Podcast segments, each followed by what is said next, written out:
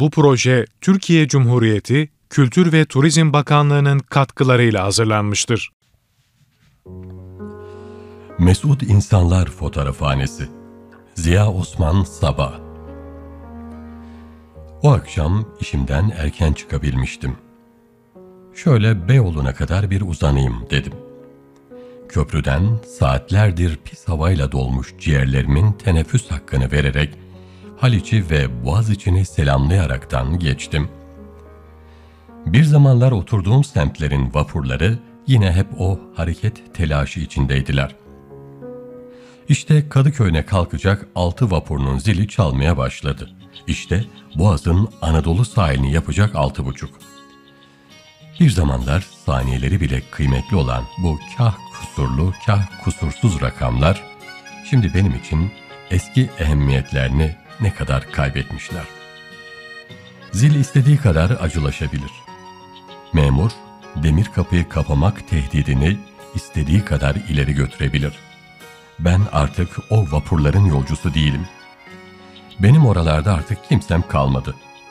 Yüksek kaldırımdan istediğim kadar yavaş, eski kitap satan dükkanların camekanları önünde istediğim kadar oyalana oyalana çıkabilirim. Tünele varınca tramvay bekliyormuş gibi üzüntülü bir hal alarak tramvaya binenleri seyreder, sonra yayan gitmeye karar vermiş bir insan tavrıyla etrafı seyrede de Galatasaray'a, Taksim'e kadar yürüyebilirim. Karşımdan insanlar geliyor, arkamdan insanlar geliyor. Arkamdan yürüyenler nihayet beni geçiyorlar. Karşımdan gelenlerin bazılarıyla bir an bakışıyoruz. Bazıları beni görmüyorlar. Benim de görmediklerim oluyor. Bana sürtünenler, çarpanlar oluyor. Erkekler, kadınlar, uzun boylular, kısa boylular, yaşlılar, gençler, güzeller, çirkinler, zenginler, fakirler. Kocalı kadınlar, henüz nişanlılar, yalnızlar, kolunda sevgilisi olanlar, anneleri yanında yürüyen küçük çocuklar var. Cahit Sıtkı'nın bir şiirinde gün hazinesi dediği bacaklarını uzun konçlu şosonlarda hapsetmiş bir ömür hazinesi genç kızlar var. Yalın ayak çocuklar da var. Ayakları muhafazalıların arasında seyirtip gazete satmaya çalışıyorlar. Fakat ayakları üşümüyor gibi. Herhalde alışmışlardır diyorum. Hem onlar da kunduralılardan daha az mesut görünmüyorlar. Onlardan gazete alan zenginler verdikleri paranın gerisini istemiyorlar. Bu onların sevincini bir kat daha arttırıyor. İki yanında bu insanları giydirmeye, doyurmaya, eğlendirmeye, bir kat daha mesut etmeye mahsus dükkanlar, mağazalar, salonlar var. Onların camekanları önünde durmaktan, hayale dalmaktan kendimi alamıyorum. Şu oda takımı ne güzel. İnsan yemekten sonra şu geniş koltukta kim bilir ne kadar rahat eder. Şu abajur, elindeki örgüsüne dalmış karısının yüzüne kim bilir ne tatlı bir pembelik verir. O zaman koca gazetesini bırakarak karısının seyrine dalar. Şu masa karşıki mağazada satılan radyolar için bilhassa yapılmış gibi tam uygun gelecek. Radyonun üstüne de şu ileride antikacıdaki biblolardan biri. Şehrin en büyük mobilyacısı bütün bir yatak odası takımı teşhir ediyor. İki kişilik karyola, atlas yorganı serilmiş başucunda komodinine, üstündeki gece lambasına, yerde küçük halısına, pencerelerdeki tül perdelerine varıncaya kadar düşünülmüş. Tam bir yatak odası. Perdeleri arasından da bir kış dekoru gözüküyor. Bütün oda kızıl bir aydınlık içinde. Adeta sahiplerini beklemekten sabırsızlanıyor gibi. Fakat bütün bu eşyayı nereye taşımalı? Şu kat kat apartmanların hangi katı benim olabilir? İlerliyorum. Ya şu mağazadaki mavi kolye? Tanıdığım kızlardan şu en mavi gözlüsüne ne kadar yaraşacak? Fakat o kız benim sevgilim değil ki. Bir kunduracının cam mekanında yanlara doğru kaçışmış gibi duran, kimi kapalı, kimi daha dekolte, bütün mahremiyetleriyle kadın terlikleri. Bütün bir ev hayatını hayal ettiren terlikler.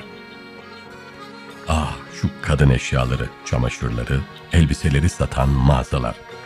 Düşünüyorum ki bütün o çamaşırlardan, elbiselerden, tayörlerden, mantolardan istediğim kadar alacak param olsa da onları kullanabilecek, onları giyebilecek, bütün bunlar senin için diyebileceğim kimsem yok. Adeta bütün bu mağazalar, bütün şu insanlara saadet satıyorlar. Şu manavdaki renk renk, türlü türlü yemişlerden, mesela şu iri, sarı kabuklular portakal değil, bir sofra saadetini tamamlayacak bir başka lezzet, koku ve serinlik saadetidir. Şu satıcılar avaz avaz bağırarak, şu sattıklarımızdan da alın, daha çok mesut olun demek istiyorlar. Hele şu köşede ta vefadan getirilmiş boza şişeleri. Bu yemekten birkaç saat sonra bir babanın ailesi efradına üzerine tarçın ekerek leblebiler koyarak yudum yudum tattıracağı bir nevi şahsına münhasır saadet değil de nedir? Bu caddeye ne kadar da çok fotoğrafçı toplanmış. Şimdiye kadar kaç tanesinin önünde resimleri seyredaldım. Bütün bu mesut insanlar buralara da saadetlerini tespit ettirmek için koşuşmuş olacaklar.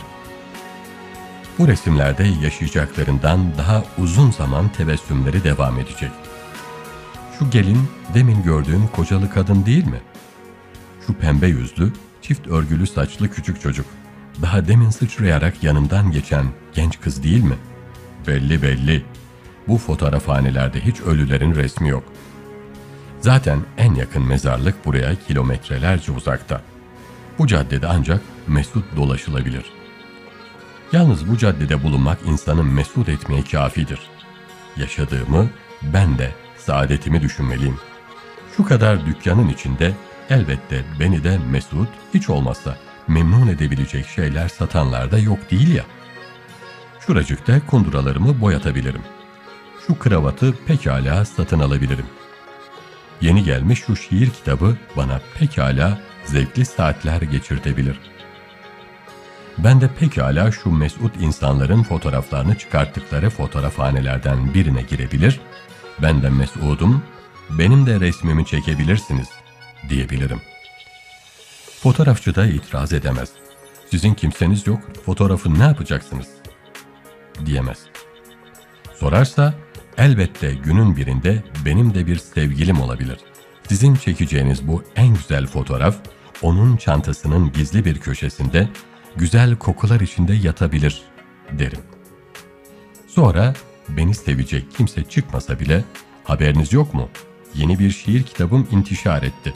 Bu kitap pekala bana şair dedirtebilir. Ve kim bilir zaman gelir edebiyat tarihçisi bu kitap intişar ettiği zamanki fotoğrafımı arayabilir. İstikbalin nefis kağıtlı bir edebiyat tarihinin sayfaları arasından bütün gençliğimle tebessüm edebilirim. Evet evet hiç olmazsa genç değil miyim? Ağarmış saçlarımda biraz bezgin duruşuma bakmayın. Nüfus tezkerem yanımda. Buyurun, ben daha genç sayılırım. Ve sırf genç olmam, benden isteyeceğiniz tebessümü dudaklarımda yaratabilir. Bir fotoğrafhanenin önünde bir otomobil durmuş ve etrafında bir meraklı kalabalığı hasıl olmuş. Yaklaşıyorum. Otomobilin içi, camların kenarları bütün çiçeklerle süslü. Demek gelinle güvey fotoğrafhanedeler. Ben de bu fotoğrafhaneye girer, hem fotoğrafımı çıkartmış olur hem de hayatlarının en mesut zamanlarından birini yaşamakta olan bu çifti kapıdan çıkmak üzereyken olsun bir defa selamlarım. Bütün duvarları fotoğraflarla kaplı holde bekliyorum. Bütün fotoğraflardaki insanlar tebessüm ediyorlar. İşte yeni rütbesinin verdiği gurur ve emniyetle istikbaline gülümseyen genç subay. Büyük bir lastik topu dünyanın en büyük hazinesiymişçesine sıkı sıkı tutmuş, yanaklarından sıhhat fışkıran gürbüz çocuk. Bir fakültenin mezunlar hatırası. Hocalar memnunluk ve iftihar içinde. Yeni mezunlar da hocalarının etrafında. Sırtlarından bir yükü atmış, uzun bir yolu bitirip bir ağaç altına oturmuş insanların saadetiyle gülüyor, hep gülümsüyorlar. Sonra yeni evliler yan yana dururlarken sevinçten, hazdan titredikleri adeta hissedilen çiçekler içinde yeni evliler. Bütün şu delikanlılar hep evlenmişler, saadet duymuşlar ve mekteplerini bitirdikleri zaman fotoğraflarını çekmiş olan fotoğrafçıya koşup işte evlendik, bu sefer de evlenme saadetini tadıyoruz. Yine fotoğrafımızı çekin demişler. Sonra pürüzsüz uzun bir evlilik hayatının en güzel bir noktasında, belki bu izdivacın bir seneyi devriyesinde, birkaç yaşına gelmiş çocukları ortalarında resim çektiren eski evliler. Kadın biraz şişmanlamış. Erkeğin alnından doğru saçları seyrekleşmeye başlamış. Karşı duvarda asılı bir yeni evliler fotoğrafına bakarak gülümsüyorlar. Burada her şey, herkes birbirine gülümsüyor. Hiçbir ihtiyar, hiçbir çirkin, hiçbir düşünceli insan resmi yok. Adeta bu fotoğraf haneye sevinçsiz hiçbir insan ayak atmamış. Yahut fotoğrafçı bir muvaffakiyet sırrı olarak makinesinin karşısında candan gülümseyemeyecek müşterisinin fotoğrafını çekmemiş. Ben böyle düşünürken birden atölyenin kapısı açıldı. Gelin elindeki çiçeklerden daha beyaz, beyazlar içinde yanında genç kocası bir bahar havası bırakarak bir bahar rüzgarı gibi önümden geçtiler. Kendilerini bekleyen otomobile bindiler. Fotoğrafçı onları selametledikten sonra bir müddet daha eşikte kalarak otomobili gözleriyle takip etti, sonra geri döndü. Yarattığı eserden memnun bir sanatkar haliyle kendi kendine gülümseyerek beni görmeden bulunduğum tarafa birkaç adım attı. Neden sonra varlığımı fark edip tatlı bir rüyadan uyanır gibi bakışlarıyla ne istediğimi sordu. Fotoğrafımı çektirmek istiyorum. Güzel olmasını arzu ettiğim bir fotoğraf çektirmek istiyorum, dedim. Ben konuşurken adam da beni baştan aşağı süzüyor, yüzü deminki memnunluk halini yavaş yavaş kaybediyor, adeta endişeli bir ifade alıyordu. E, buyurun atölye, dedi. Ben önde, o arkada, çiçek ve lavantayla karışık bütün bir saadet kokusunun dalgalandığı atölyeye girdik. Gösterdiği sandalyeye oturdum. Makinenin arkasına geçti. Örtünün altında yüzü kayboldu. Yalnız ara sıra sesini işitiyorum. Tabii durun. Kendinizi sıkmayın. Buraya fotoğraf çektirmek üzere gelmiş olduğunuzu unutun. Güzel, sevinçli şeyler düşünün. Bunu ihtar etmesine hacet yoktu. Ben buraya zaten sevinçli düşüncelerle gelmiştim. Şimdi burada çekilecek fotoğrafı belki bir gün sevgilim çantasında taşıyacak. Belki bu resim... Birden fotoğrafçının sesi bu sefer biraz daha asabi yükseldi. Lütfen zorla gülümsemeyin. Evet, zorla tebessüm ne kadar çirkindir. Zaten benim zorla gülmeye ihtiyacım yok. Şu adesenin arkasından bütün bir ebediyet bana bakıyor demektir. Ben de bütün o ebediyete bana hayran kalacak bütün o müstakbel nesillere büyük bir şair gibi biraz mağrur, biraz yüksekten sadece tebessüm edebilirim. Çok mu fazla kendini beğeniş? Çok büyük, hatta gülünç bir iddia mı? Doğru. Benim esasen hayatta hiçbir iddiam olmadı ki. Bu çıkacak fotoğrafımın daha küçük, daha mütevazı bir vazifesi olabilir. Belki dinimin bana vaat ettiği en yüksek mertebeye erişir, belki bir gün şehit düşerim. Belki o zaman bu fotoğrafımı bazı mecmualar diğer şehitlerinkilerle beraber basarlar. Belki mektebim verdiği şehitler arasında benim de bu resmimi müzesinin bir köşesine asar. Belki sadece ölüp giderim. O zaman da bu fotoğrafım hayatta kalmış birkaç akrabamın, birkaç vefalı arkadaşın beni anmalarına vesile olur. Onlara şimdiden şükran ve dostluk tebessümlerimi göndermeliyim.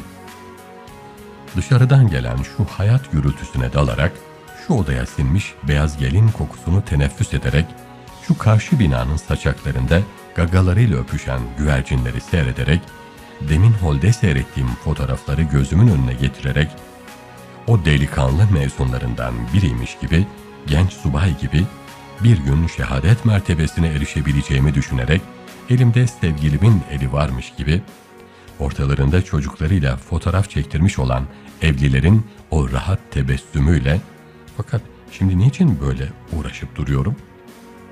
Niçin kendi kendimi aldatmaya çalışıyorum? Benim asıl mesut zamanlarım ne oldu? Niçin asıl o zamanlar resim üzerine resim çıkartmadım? Niçin her hafta fotoğrafçıya uğramadık? Neden bugün buraya tek başıma geldim? Fakat şimdi böyle şeyler düşünmenin de sırası mı ya? Dünyada her insan az çok bir felakete uğramış olabilir. Bunun için büsbütün kötümser olunur mu? Felaketler yerine saadetleri, ölmüşler yerine doğacakları, geçmişler yerine gelecekleri düşünmeliyim. Birden fotoğrafçı siyah örtüsünü başından atarak doğruldu. Yüzü hatta biraz terlemişti. Ümitsiz bir tavırla, beyim mazur görün, sizin fotoğrafınızı çekemeyeceğim, dedi.